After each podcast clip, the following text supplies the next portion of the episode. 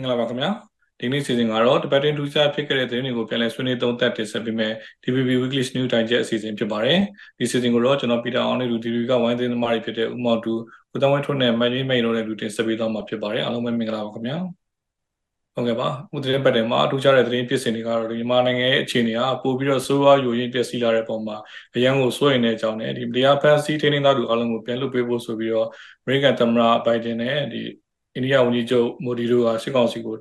ပူးတွဲတောင်းဆိုရတဲ့သတင်းရှိပါတယ်။နောက်အမေရိကန်နိုင်ငံသားရေးဌာနအတိုင်ပင်ခံပုဂ္ဂိုလ်ဒီ Derek Chollet နဲ့မြို့သားညီညွတ်ရေးဆိုပါ NGO ခေါင်းဆောင်တွေဒီအမေရိကန်ပြည်ထောင်စုဝါရှင်တန် DC မှာတွေ့ဆုံပြီးတော့ဒီမိုကာမုန်တိုင်းတင်ခံရတဲ့လူတွေကိုရေးပေါ်ကူညီပေးဖို့ကိစ္စအပါအဝင်မြန်မာရေးကိစ္စတွေဆွေးနွေးခဲ့ကြတာရှိပါတယ်။နောက်မြန်မာနိုင်ငံမှာတော့ဒီနျူကလ িয়ার ဓာတ်ဘေးစက်ုံတိစောက်ဖို့နဲ့ဒီဓာတ်တတုရှာဖွေဖို့ဆိုပြီးတော့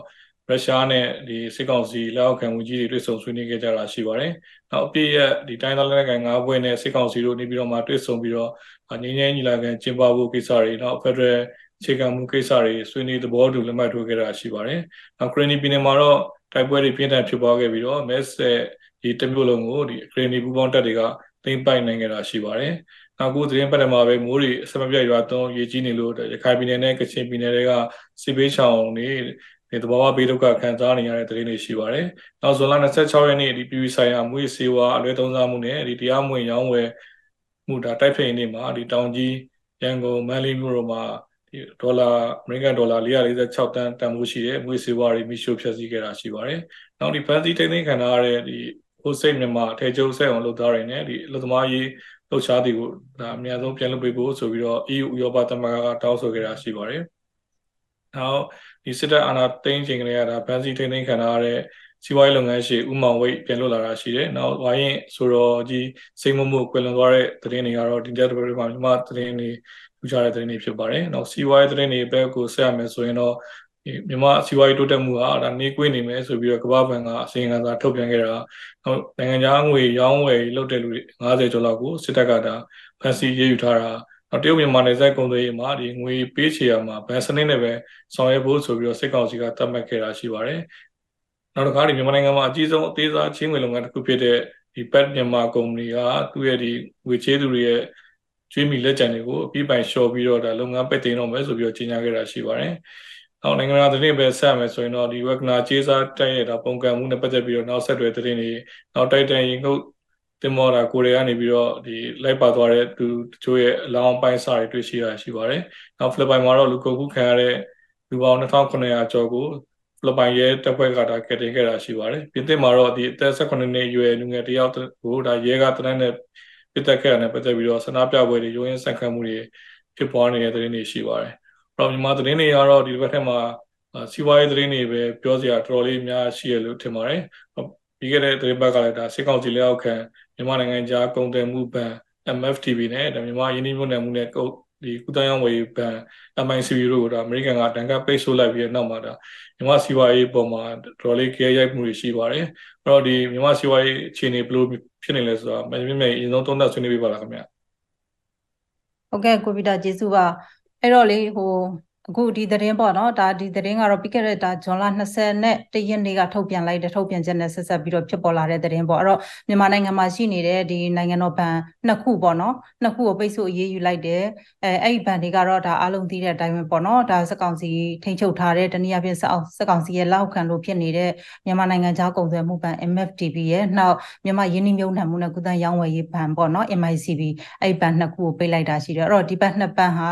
ဒီစက်ကောင်စီစီကိုနိုင်ငံခြားငွေစည်းစိမ်မှုမှာအဓိကကျနေတဲ့ဘဏ်တွေဖြစ်တဲ့အတွက်ဆိုပြီးတော့ဒါအမေရိကန်ဘဏ္ဍာရေးဝန်ကြီးဌာနရဲ့ပေါ့နော်နိုင်ငံခြားပိုင်ဆိုင်မှုထိန်းချုပ်ရေးယုံ OFAC ကနေပြီးတော့ပိတ်လိုက်တာပေါ့လေအဲ့တော့ဒါကိုထုတ်ပြန်ခဲ့တာပေါ့အဲ့တော့ သူကနေပြီးတော့ပိတ်ဆို့တဲ့ဆိုရင်ဆိုတဲ့စည်ရင်းထဲမှာထည့်သွင်းလိုက်တယ်အဲ့ဒီအထက်မှာဒီဖော်ပြထားတာကတော့ဒီအာနာသိန်းထားတဲ့စက်ကောင်စီဟာဟလာရုရှားတရုတ်အပါဝင်နိုင်ငံတကာကနေပြီးတော့ဆက်လက်နဲ့ပစ္စည်းတွေဝယ်ယူတဲ့အခါမှာဟလာငွေပေးချေဖို့အတွက်ဆိုပြီးတော့ဒီဘဏ်တွေကိုသုံးတယ်ဆိုတာမျိုးဖော်ပြထားတာတွေ့ရတာပေါ့လေအဲ့တော့ဒီထုတ်ပြန်ချက်ထုတ်ပြန်တဲ့အခါမှာတော့ဒါပြည်တွင်းထဲမှာလည်းတော်တော်လေးတော့ခရစ်ရိုက်သွားတာပေါ့လေအဲ့တော့ပထမဆုံးဒီသတင်းတက်လာတာကတော့ပထမဆုံးဒါ Time PBS မှာအရင်ဆုံးတက်သွားတယ်ဟာလာတန်တမန်တွေကပြောတယ်ဆိုပြီးကိုးကားပြီးတော့အဲ့ဒါတက်သွားတာရှိတယ်အဲ့တော့အဲ့ဒီနောက်ပိုင်းမှာဒီဇွန်လ21ရက်နေ့မှာပေါ့နော်ဒီ US Department of Treasury မှာဒီကောင်တက်လာတယ်ဒီသတင်းတက်လာတယ်ဒါအဲ့ဒါနဲ့ပတ်သက်ပြီးတော့ပေါ့နော်ဒါမီဒီယာတချို့နဲ့ဒီစက်ကောင်စီပြောခွင့်ရပေါ့ဗိုလ်ချုပ်စောမင်းထွန်းနဲ့ပြောပြောထားတာတော့တွေ့ရတယ်အဲ့ဒီမှာဗာလဲဆိုတော့ဒါ သူပြောတာကတော့ဒါအမေရိကန်ပြည်ထောင်စုကပေါ့ဗျာဒီ AWL ပေါ့မကောင်းတဲ့စိတ်နဲ့စိတ်ထားမျိုးနဲ့လုပ်တယ်အဲ့တော့မြန်မာပြည်တွင်းကိုဟလာပြပနေပြီးတော့ငွေတွေဝင်လာတာကိုကန့်သက်ဖို့အတွက်ဒါကိုလှုပ်တာဖြစ်တယ်ဟလာဘာအဲ့တော့သူတို့အတွက်တော့ဘာမှသိထိခိုက်စရာမရှိဘူးလို့ပြောထားပြောတယ်ပေါ့နော်အဲ့ဒီအပြင်ဒါက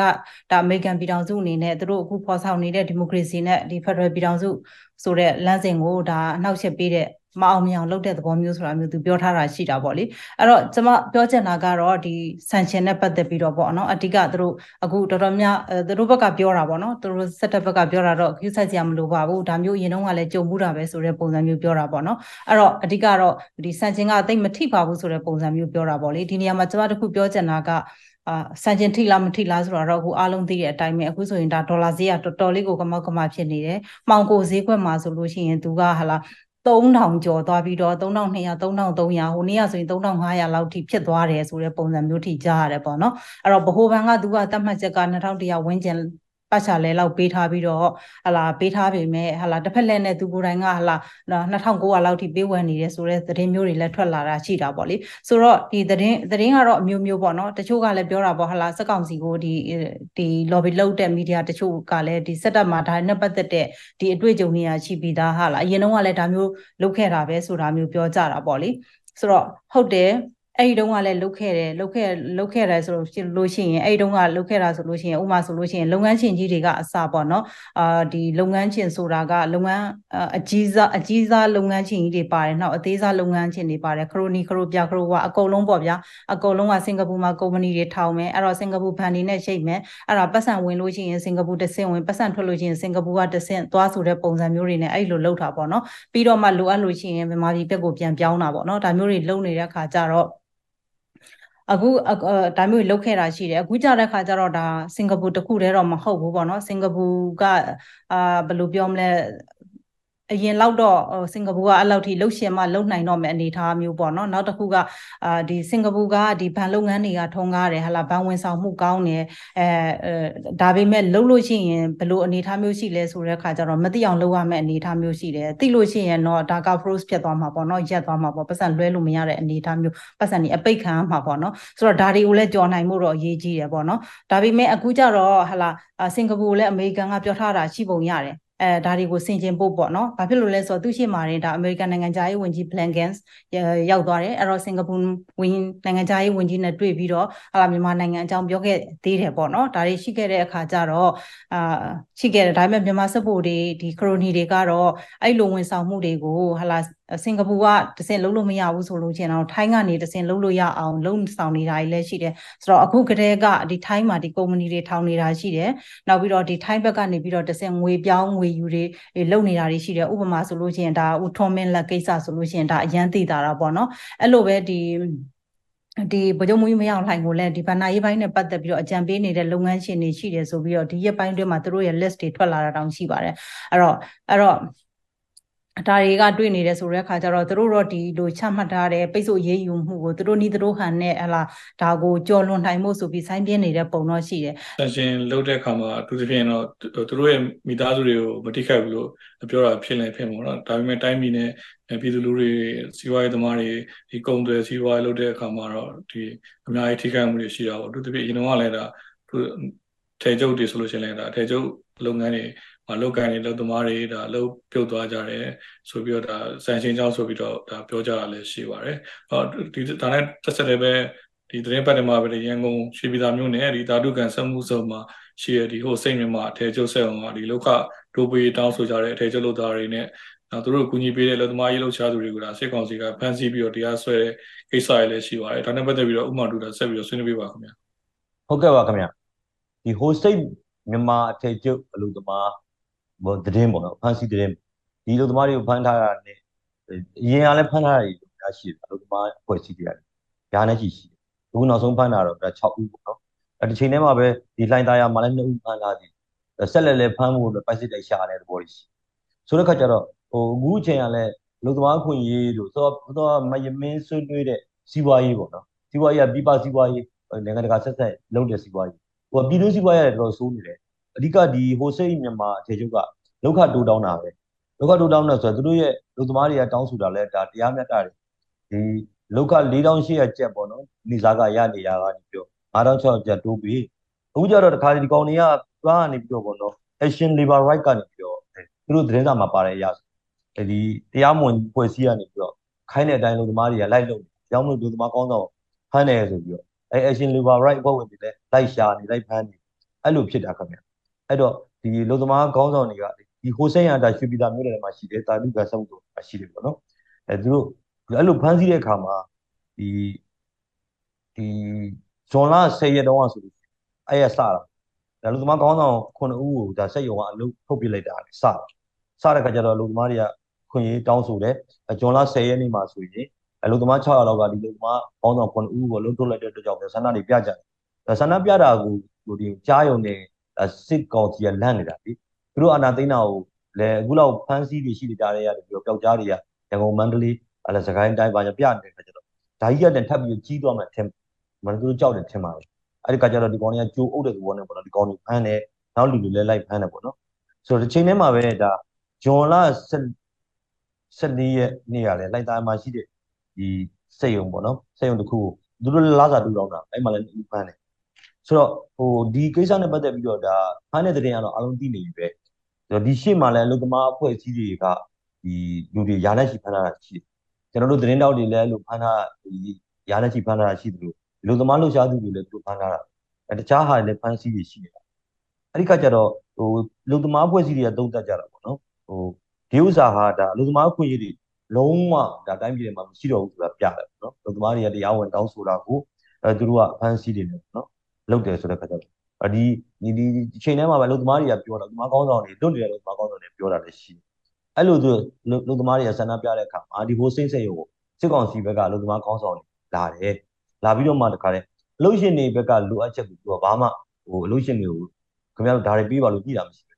။ဒါလူသမားတွေကိုလူဆန္ဒပြရင်ဖန်ခံနိုင်တယ်တော့ဆဲဆူကျင်းမောင်းပြီးတော့အဲ့လိုပြန်သွားတာမျိုးရှိတယ်လို့ပြောလို့ပြောတယ်။အကြောင်းမလို့ဒီဟာကြီးကတော့ဒါဟိုလူသမားခွင့်ရလုံးဝ ဆုံးရှုံးနေတယ်ဆိုတာပြတာ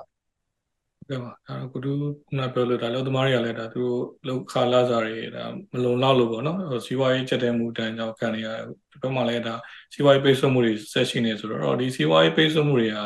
ဟိုထိရောက်မှုရှိနိုင်မလားကိုတောင်းတို့ရဲ့အမြင်လေးသိချင်ပါတယ်ခင်ဗျာဒီမိုကရေစီဖြစ်စဉ်တစ်ခုလုံးကလေ process process လို့ပြောရရင်အဲ့ဖြစ်စဉ်တစ်ခုလုံးမှာဟိုဇက်ကောင်ပေါင်းများစွာအဲရှိတယ်အဲ့ဒါကြောင့်ဒီအာ ဒီစီဝိုင်းပိတ်ဆို့ဟိုတစ်ခုတဲတာမကပဲနဲ့ပေါ့နော်နောက်နိုင်ငံတကာ PR တွေရောပေါ့နော်နိုင်ငံတကာ PR တွေရောပြည်တွင်း PR တွေရောအဓိကပြည်သူလူထု PR တွေရောအဲ့တော့ဟိုကျွန်တော်ကျွန်တော်ဟိုအရင်တွေးကြည့်တာပေါ့နော်ဒီဘိမုံဖုတ်တယ်လို့ပဲနော်ပေါ်ပေါ်မီးတွေအောင်မီးတွေမီးပေါင်းစုံနဲ့အာတစ်ချိန်ချင်းတစ်ချိန်ချင်းမှမခံနိုင်တော့တဲ့နေရာရောက်တယ်ပေါ့နော်အဲ့တော့စီးပွားရေးပိတ်ဆို့မှုတစ်ခုတည်းအကြောင်းအဲ ဖြစ်သလားစီးပွားရေးပိတ်ဆို့မှုအဲတာမကပဲနဲ့ပြည်တွင်း PR ပေါ့နော်ပြည်သူလူထုရဲ့တင်းအားပေါ့ပြည်သူလူထုရဲ့ယုံအားပြီးတော့တခြားနိုင်ငံရေး stakeholder တွေနိုင်ငံရေးအရာအရေးပါတဲ့အစုအဖွဲ့ပေါင်းများစွာရဲ့ယုံအားတွေပြည်သူလူတင်းအားတွေအားလုံးနဲ့ဆိုင်မယ်လို့ထင်ပါတယ်အဲ့ဒီထဲမှာစီးပွားရေးပိတ်ဆို့မှုမရှိရင်တော့ဘာဖြစ်မလဲဆိုစီးပွားရေးပိတ်ဆို့မှုလည်းလိုအပ်ပါတယ်တော့ပြည်တွင်း ပြည်တွင်းတင်အားရောပြည်ဟိုပြည်သူလူထုယုံအားရောเนาะကျတဲ့အဖွဲ့အစည်းပေါင်းတော့အဲ့လိုတွေဆိုင်မယ်ထင်ပါတယ်လက်ရှိအခြေအနေကတော့တိုင်းပြည်ရဲ့စီးပွားရေးကတော်တော်လေးကိုဆိုးဝါးနေတဲ့အခြေပေါ့နော်နောက်ဒီလာမယ့်နေ့တွေမှာရောဘယ်လိုဖြစ်လာနိုင်မလဲဆိုတော့ဒီကမ္ဘာ့ဘဏ်ရဲ့ခံမှန်းချက်လည်းဒါထွက်လာဒါနဲ့ပတ်သက်ပြီးတော့မမြင်မဲ့ရေးဒါဆက်ပြီးတော့ဆွေးနွေးပါလားဒီလက်တလောထွက်လာတဲ့ကမ္ဘာ့ဘဏ်အစီရင်ခံစာနဲ့ပတ်သက်ပြီးတော့လေ ဟုတ်ကဲ့ကိုဗီတာအဲ့တော့ကမ္ဘာဘဏ်ရဲ့အစီရင်ခံစာမှာကတော့ဒါမြန်မာစီးပွားရေးတိုးတက်မှုနှေးကွေးမယ်ဆိုပြီးတော့သူတို့ထုတ်ပြန်ထားတာပေါ့လေအဲ့တော့သူဒီမှာပြောထားတာကတော့မြန်မာစီးပွားရေးရတဲ့2023ခုနှစ်အစောပိုင်းမှာတည်ငြိမ်နေပေမဲ့လာမယ့်တစ်နှစ်နှစ်နှစ်အတွင်းမှာစီးပွားရေးတိုးတက်မှုနှေးကွေးမယ်ဆိုပြီးကမ္ဘာဘဏ်ကထုတ်ပြန်တယ်ဆိုပြီးထုတ်ပြန်ထားတာပေါ့နော်ပြီးတော့မှအထဲထဲမှာသူပြောထားတာတွေရှိတယ်ဟလာအစာရေစာငတ်မောက်ခေါင်းမတာမျိုးတွေဒါမျိုးတွေဖြစ်လာမယ်ဆိုတဲ့ဟာတွေပေါ့နော်ဆိုလိုပြီးတော့သူပြောထားတာရှိတယ်အဲရှိတော့ဒ ပြပြဿနာကကျမဒီကမ္ဘာ့ဘဏ်ရဲ့ဒီနိုင်ငံတကာအဖွဲ့အစည်းတွေရဲ့ဒီထုတ်ပြန်ချက်နဲ့ပတ်သက်ပြီးကျွန်တော်နည်းနည်းလောက်ပြောချင်တယ်ပေါ့ပြောချင်တယ်ဆိုကမ္ဘာ့ဘဏ်ပဲဖြစ်ဖြစ် IMF ပဲဖြစ်ဖြစ်ပေါ့ဗျာအဲလိုမျိုးအဖွဲ့အစည်းတွေကနေပြီးတော့ထုတ်ပြန်တဲ့အခါမှာစောစောကပြောသလိုပေါ့ညင်ညင်သာသာလေးပေါ့နော်အာမြန်မာစီးပွားရေးကိုမျိုးတိုးတက်မှုနှေးကွေးမယ်ဆိုတဲ့ဟာမျိုးလေးကိုသူကပြောလိုက်တယ်ပေါ့နော်တကယ်တော့နှေးကွေးတာမှမဟုတ်တာအခုဖြစ်နေတဲ့ဟာလက်တွေအရှိတရားကိုကြည့်လိုက်လို့ချင်းဒါနှေးကွေးတယ်လို့ဘယ်လိုပြောမလဲတကယ်ကို upside down ပြောင်းပြန်ဖြစ်နေတဲ့အနေအထားမျိုးပေါ့နော် ဥပမာပေါ့ဒီကပကပ္ပဗံမဲ့ဖြစ်ဖြစ်ပေါ့နော်အဖွဲ့အစည်းတစ်ခုကပြည်တွင်းထဲမှာသူတို့အလုပ်လုပ်နေရတယ်ဆိုလို့ရှိရင်သက်ဆိုင်ရာဝန်ကြီးဌာနတွေနဲ့သူတို့ချိတ်ဆက်ပြီးတော့လုပ်လို့ရတဲ့ဟာတွေရှိတယ်ရှိတဲ့အခါကျတော့ဝန်ကြီးဌာနတွေကိုလည်းပြတော့ဟာဒီနှစ်ကတော့အာ GDP ကဒီလောက်ထိကျသွားပြီဆိုတဲ့အခါကျတော့အာဝန်ကြီးဌာနတွေကအမှဆိုပါတော့အမှ planning နဲ့ရှိတ်ပြီးတော့လုပ်တယ်ဆိုဟာဒီ GDP ကတော့ဗျာကြည့်မကောင်းဘူးဗျာကြည့်ကြုတ်ကြည့်ကြည့်လုပ်ပါအောင်ဆိုလို့ရှိရင်သူတို့ကအဲအဲအဲ့ဒါ GDP ဘယ်လောက်ကျသွားတယ်ဆိုတာမျိုးသူတို့ကထည့်လို့မရတော့ပြန်ဘူးပေါ့နော်ထည့်ပြန်လို့ရှိရင်လည်းဆုံးက GDP ကိုတိုင်းတာတယ်ဆိုတဲ့အခါမှာကျွန်မဥမာ GDP ဆိုတော့ gross domestic product ပေါ့နော်ထူးထူးစုစုပေါင်းပြည်တွင်းထွက်ကုန်ဥမာဆိုကျွန်မတဦးချင်းရဲ့ထွက်ကုန်လည်းပါတာပေါ့နော်ကျွန်မရဲ့ output ကဘယ်လောက်ရှိလဲအဲ့ဒီအပေါ်မှာကျွန်မရဲ့ဝင်ငွေဘယ်လောက်ရှိလဲဒါကိုတိုင်းတာတာပေါ့ဆိုတဲ့အခါကျတော့ဟလာထုတ်ပြန်ချက်တွေထုတ်ပြန်တဲ့အခါကျတော့အဲ့လိုမလှတော့ဘူးမလှတဲ့အခါကျတော့ဟာ တခါလေကျတော့ real GDP နဲ့မတွက်ဖဲနဲ့ nominal နဲ့သွားတွက်တာမျိုးတွေရှိတယ် nominal ဆိုလို့ရှိရင် तू က inflation ကိုကောက်မလုပ်တော့ inflation ကြောင့်ဖြစ်လာတဲ့ဟာကို तू ကထည့်ပြီးတော့မတွက်တော့ဘူးလေဆိုတော့အဲ့လိုအနေအထားမျိုးတွေရှိတယ်ပေါ့အခုကျတော့လေဟိုကမ္ဘာ့ဘဏ်ရဲ့ထုတ်ပြန်ချက်ကဟိုအတွင်းထဲမှာတော့ तू ထည့်ထားတယ်ပေါ့နော်အစာရေးစားငါမခေါင်းမတာတွေဘာတွေဖြစ်လာမယ်ဆိုပြီးဒါပေမဲ့အပြင်မှာ तू တင်လိုက်တဲ့အခါကျတော့စီးပွားရေးနှောင့်နှေးမယ်ဆိုတော့ဒါတာမန်သတင်းလို့ဖြစ်နေတယ်စီးပွားရေးနှောင့်နှေးတယ်ဆိုတာဘာဆန်းတယ်လဲဆိုတဲ့ပုံစံမျိုးလို့ဖြစ်နေတာပေါ့တကယ်တမ်းကျတော့အတွင်းထဲမှာလှိုက်စားနေတာအကြီးကြီးပဲအဲ့တော့အဲ့လိုဖြစ်နေတဲ့အတွက်ကြောင့်မလို့ကုန်စည် နှုန်းတွေကြီးတယ်ဟလာစောစောကအာလူတဦးချင်းရဲ့ဝင်ငွေအရန်ကြတယ်အလုတ်ပြုတ်တဲ့လူတွေများလာတယ်အလုတ်ကိုင်ခွင်လန်းတွေနဲတယ်ရပြန်တော့လေဒီ inflation ကအရန်လိုက်လာတဲ့အတွက်ကြောင့်ဥမာကျမတို့အဆုံးကပြောတယ်သူတို့ nominal နဲ့တွက်တယ်ဆိုလို့ရှိရင် inflation ကိုသူတို့ထက်မတွက်ဘူးဆိုကျမပြောကျမတွက်ပြမယ်နော် inflation ကဥမာကျမပြီးခဲ့တဲ့2000စအာနာမသိခင်က2021ခုနှစ်မှာကျမဝင်ငွေတစ်ရက်ကိုဒေါ်တရက်ကို2000ရှိတယ်ဆိုရင်အဲ့2000နဲ့ကျမဒေါ်လာဝယ်လို့ရှိရင်ဒေါ်လာ1ဒေါ်လာခွဲ ရမယ်ဘာလို့လဲဆိုတော့73ဝန်းကျင်ပဲရှိတယ်အဲ့တော့အခုချိန်မှာကျမကတိုးတက်သွားတယ်လို့ဆိုပါစို့ကျမဝင်ငွေ2500ဖြစ်သွားပါတယ်ဆိုတော့ဒါပေမဲ့ဒေါ်လာတောင်ကျမဝယ်လို့မရဘူးဆိုတော့အဲ့အနေရင်ထိုင်ရင်ကိုယ့်အိတ်ထဲကပတ်စံတွေကပျောက်ပျောက်ပျောက်ပျောက်ပြီးတော့သွားတာလက်ထဲမှာကင်ထားတဲ့ပတ်စံသိန်းတရာပျောက်သွားရင်ပျောက်သွားတယ်လို့လူကမြင်တယ်ဒါပေမဲ့ကိုယ့်လက်ထဲမှာကင်ထားတဲ့ပတ်စံတွေကနေရင်ထိုင်ရင်နဲ့တန်ဖိုးမရှိတဲ့အခါကျတော့လူတွေကဟာငါလက်ထဲကပတ်စံထောင်ပျောက်သိန်းတစ်ထောင်ပျောက်သွားပြီသိန်းတရာပျောက်ပျောက်သွားပြီဒီလိုမျိုးမမြင်ကြဘူးပေါ့နော်ဘာလို့လဲဆိုတော့ဒါ ဒီအနေအထားမျိုးမှာလူတွေကနေ့စဉ်ဘဝမှာလူတွေကသူတို့ကုန်စည်နှုန်းတွေကကြီးလာတဲ့အခါကျတော့သူတို့လက်ထက်မှာရှိတဲ့ပတ်စံလေးတစ်ထောင်ကဒီနေ့တစ်ထောင်ကတစ်ထောင်ကတန်မိုးတစ်ခုရှိပေမဲ့နောက်နေ့တစ်ထောင်ကအဲ့မနေ့ကရှိတဲ့တန်မိုးလောက်တော့မရှိဘူးဆိုတော့နေရင်တိုင်ရင်အိတ်ထဲကနေထွက်ထွက်ပြီးတော့ဓမြတိုက်ခံရတယ်လို့ဖြစ်ပြီးတော့ဗောနော်အဲလူတွေကအထွေထွေကြက်တဲမှုကြီးတွေနဲ့ကြုံနေတယ်ကြုံနေရတဲ့အနေအထားလို့ပဲကျွန်မမြင်တယ်ဗောနော်အဲ့လိုဆိုတဲ့အခါကျတော့ဒါနောက်ထပ်လည်းအခုလည်းစီးပွားရေးဆုံးကသတင်းနဲ့ဆက်ဆက်ပြီးပြောရရင်စီးပွားရေးပိတ်ဆို့တာတွေလည်းလုပ်နေတယ်အခုဒါအမေရိကန်ကစပြီးတော့လှုပ်လိုက်တယ်ပေါ့နော်လှုပ်လိုက်တဲ့အခါကျတော့ဒီအမေရိကန်တို့ဘာလို့ဆိုတာသူတို့ဒီပြီးခဲ့တဲ့ဒီ UK ပါလီမန်ထဲမှာလည်းဒီလွှတ်တော်အမတ်ကပြောသွားတာရှိတယ်သူတို့နောက်ထပ်ဆန်ရှင်တွေကိုဒါထက်ပိုပြီးထိထိရောက်ရောက်ဘယ်လိုပေးလို့ရမလဲဆိုတာကိုသူတို့ပူပေါင်းပြီးတော့ဆွေးနွေးနေတဲ့အပြေရှာနေတယ်လို့ပြောတယ်ဆိုလိုတာက UK ရဲ့ အဲဥရောပသမဂ္ဂရဲ့ဟာလာအမေရိကန်ရဲ့ကနေဒါရဲ့ပေါင်းပြီးတော့နောက်ထပ်ဆန်ရှင်တွေလည်းထပ်ပြီးတော့ချဖို့ရှိတယ်ဆိုတဲ့အခါကျတော့အထွေထွေကြက်တဲမှုကြီးတွေထပ်ပြီးတော့ပေါ်လာနိုင်တယ်ပေါ့နော်ဆိုတဲ့အခါကျတော့ဒါဟာစက်ကောင်စီအတွက်လည်းအကြက်ရိုက်တယ်လို့ပြည်သူလူထုကလည်းအဲ့ဒီဟာရက်ရက်ကိုတော်တော်ခံရမယ့်အနေအထားမျိုးတွေရှိတယ်ပေါ့လေဆိုတဲ့အခါကျတော့အာတော်တော်လေးတော့အခြေအနေစိုးနေတာပေါ့လေနော်ဆိုတော့ဘယ်လိုဘယ်လိုပြောရမှန်းတော့မသိတော့ဘူးဒါပေမဲ့လည်းဆက်ပြီးတော့ ခံကြရအောင်မဲ့အနေအထားမျိုးမှာရှိနေအရေးကြီးဆုံးကတော့အပေါ်ဆုံးမှာရှိနေတဲ့ဆုံးကနိုင်ငံရေးပြဿနာမပြေလည်တဲ့အတွက်ကြောင့်မလို့ဒီစီးပွားရေးကိစ္စတွေကဖြစ်နေတာဗျာ ဒီအစိုးရတရက် legitimacy ရတဲ့အစိုးရတရက်ပေါ်လာတဲ့ဆိုဒီပြဿနာတွေကဘာမှဖြစ်စရာအကြောင်းကိုမရှိဘူးအခုဟာကအဲ့လိုမရှိတဲ့အနေအထားမျိုးမှာကြောင့်ဒီပြဿနာတွေပေါ်လာတယ်ဆိုတော့ဒီနိုင်ငံရေးပြဿနာကိုဘယ်လိုအဖြေရှာမလဲဟာလာဒီနိုင်ငံတကယ်တိုင်းပြည်မှာစေတနာရှိတယ်ဆိုလို့ရှိရင်ဒီတိုင်းပြည်ကောင်းစားတာကိုကြည်ကျင်သေးကြည်ကျင်တယ်ဟာလာဒီတိုင်းပြည်ကိုရသလောက်ဖက်ဆယ်ကျင်သေးတယ်ဆိုလို့ရှိရင်ဆိုတော့အခုအာနာသိန်းအဖွဲ့ကဘာလို့တင်တယ်လဲဆိုတော့ကိုဟာကိုပဲဆုံးဖြတ်တင်တယ်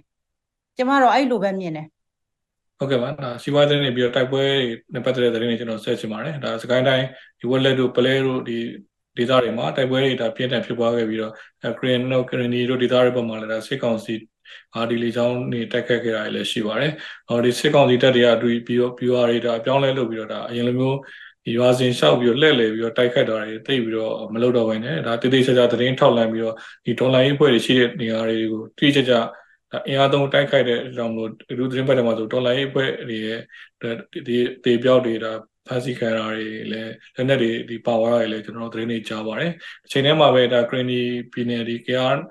နေဆက်ပေါ့နော်ဒီ message ကတော့ BB13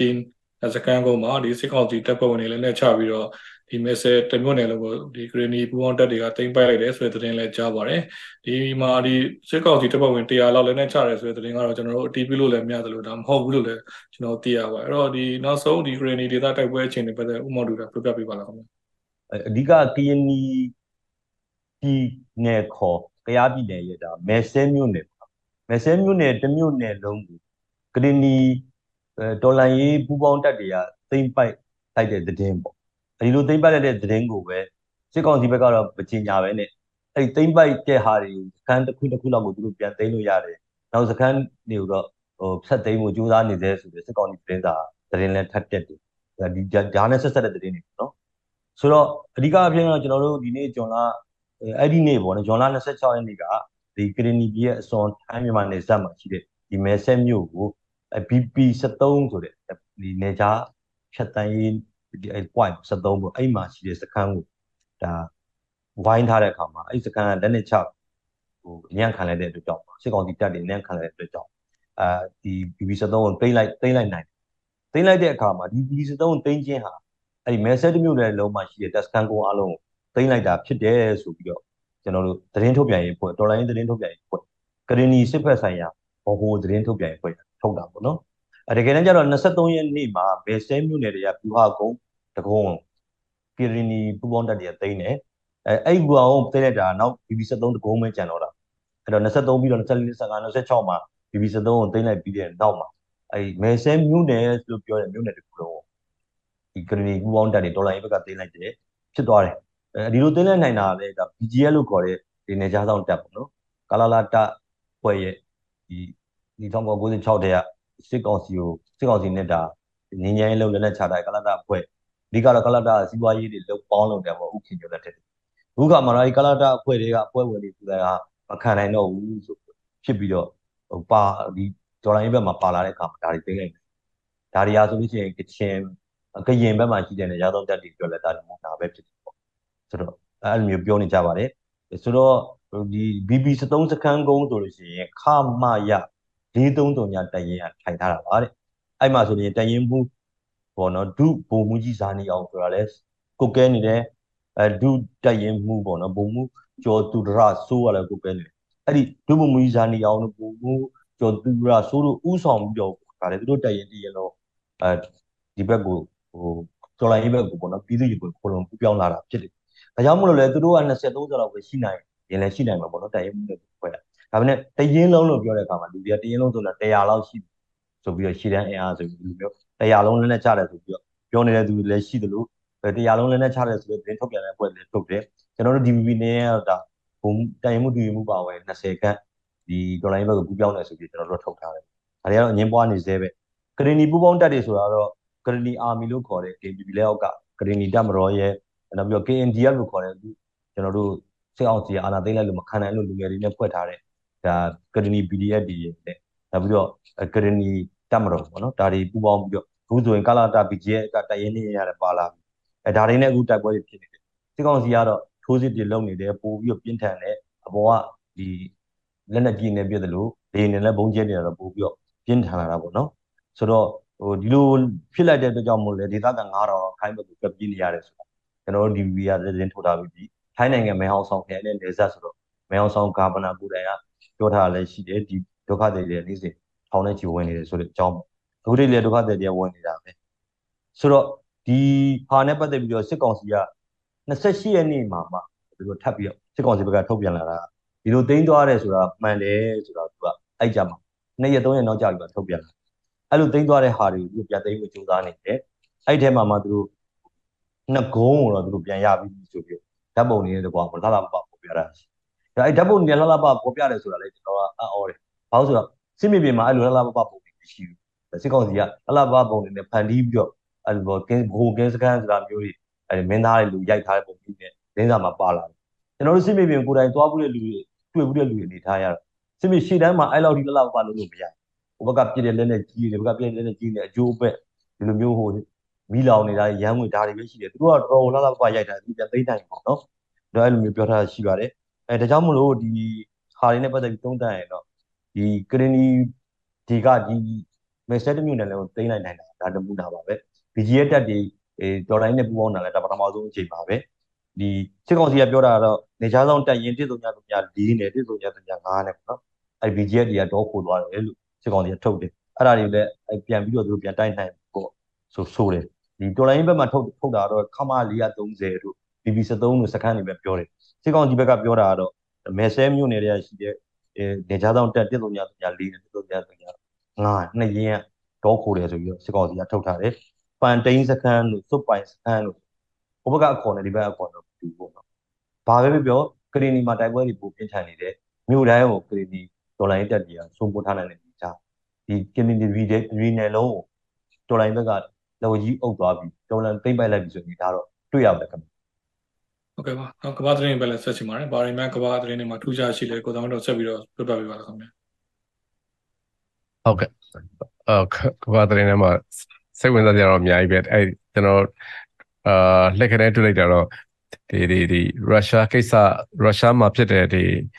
ဟိုဖက်ဂနာပေါ့နော်ဖက်ဂနာအာတက်တဲ့ကိစ္စဘိုင်ဘိုင်ဒန်ကိုဒီအမေရိကန်သမ္မတဘိုင်ဒန်ကိုသတင်းတော်တွေကမေးတဲ့အခါမှာဘာပြောလိုက်လဲဆိုတော့ ဘိုင်အာပူတင်ကအီရတ်မှာစစ်ရှုံးနေပြီတဲ့အီရတ်မှာစစ်ရှုံးနေပြီအဲသူသူ့ရဲ့ရုရှားမှာလည်းစစ်ရှုံးနေပြီအဲသူမှားပြောသွားတာပေါ့နော်ယူကရိန်းမှာဖြစ်တဲ့စစ်ပွဲကိုအမေရိကန်သမ္မတအဲတယောက်မှားပြောတာဟိုတော်တော်လေးဟိုလေးကြော်ဖြစ်သွားတယ်အဲနောက်ပြီးတော့အခုပြီးခဲ့တဲ့ရက်ပိုင်းတွေမှာကျွန်တော်တို့ drop shot တွေ့နေရတဲ့သတင်းတွေမှာအဓိကအဓိကကတကဘာလုံးနဲ့ဆိုင်တဲ့သတင်းကိုဦးစားပေးပြောရင်တော့လေဒီရုရှားက ဂျေဇာတပ်ဖွဲ့ပေါ့နော်ဖက်ဂနာဂျေဇာတပ်ဖွဲ့က Prigozhin အာမော်စကိုမော်စကိုကိုချီတက်တဲ့သတင်းတွေတွေ့ရတယ်မော်စကိုကိုချီတက်ပြီးတော့24နာရီကြော်ကြော်မှပဲသူနောက်ဆုံးညှိလိုက်တယ်ပေါ့လေလမ်းကြောင်းပြောင်းသွားတယ်ပေါ့နော်ဒါပေမဲ့မော်စကိုရောက်ဖို့ကီလိုမိုင်ပေါင်း100မိုင်100ကျော်ပဲလိုတဲ့အခြေအနေဆိုတော့ဟို တော်တော်လမ်းမှာလည်းမြို့တွေတိမ်သွားတယ်လမ်းမှာလည်းမြို့တွေတိမ်သွားပြီးတော့အဲ့ဒီမှာပို့ပို့ပြီးတော့ထူးခြားတာလေ Telegram channel မှာတွေ့နေရတာကတော့ဒီရုရှားပြည်သူလူထုကလည်းအဲ့ဒီဒီဗက်ဂနာစစ်တပ်ဒီချေးစားစစ်တပ်ကရုရုရှားစစ်တပ်ကာကွယ်ရေးဝန်ကြီးဌာနကိုအာပြန်ပြီးတော့အာခံတယ်ပေါ့နော်ပြီးတော့ဒီရုရှားရဲ့လေတပ်အာလေတပ်ရခိုင်ရင်6စီးလောက်ရှိမယ်လူပစ်ချလမ်းမှာပစ်ချပြီးတော့ဒီ တောက်လျှောက်ချီတက်ကြတယ်ပေါ့လေအဲ့ဒီမှာရုရှားပြည်သူတွေကလည်းဟိုဆက်ဖီတွေရိုက်ကြတယ်ပေါ့လေကြိုးဆိုကြတယ်ပေါ့နော်လမ်းမှာအာအဲ့တော့ပူတင်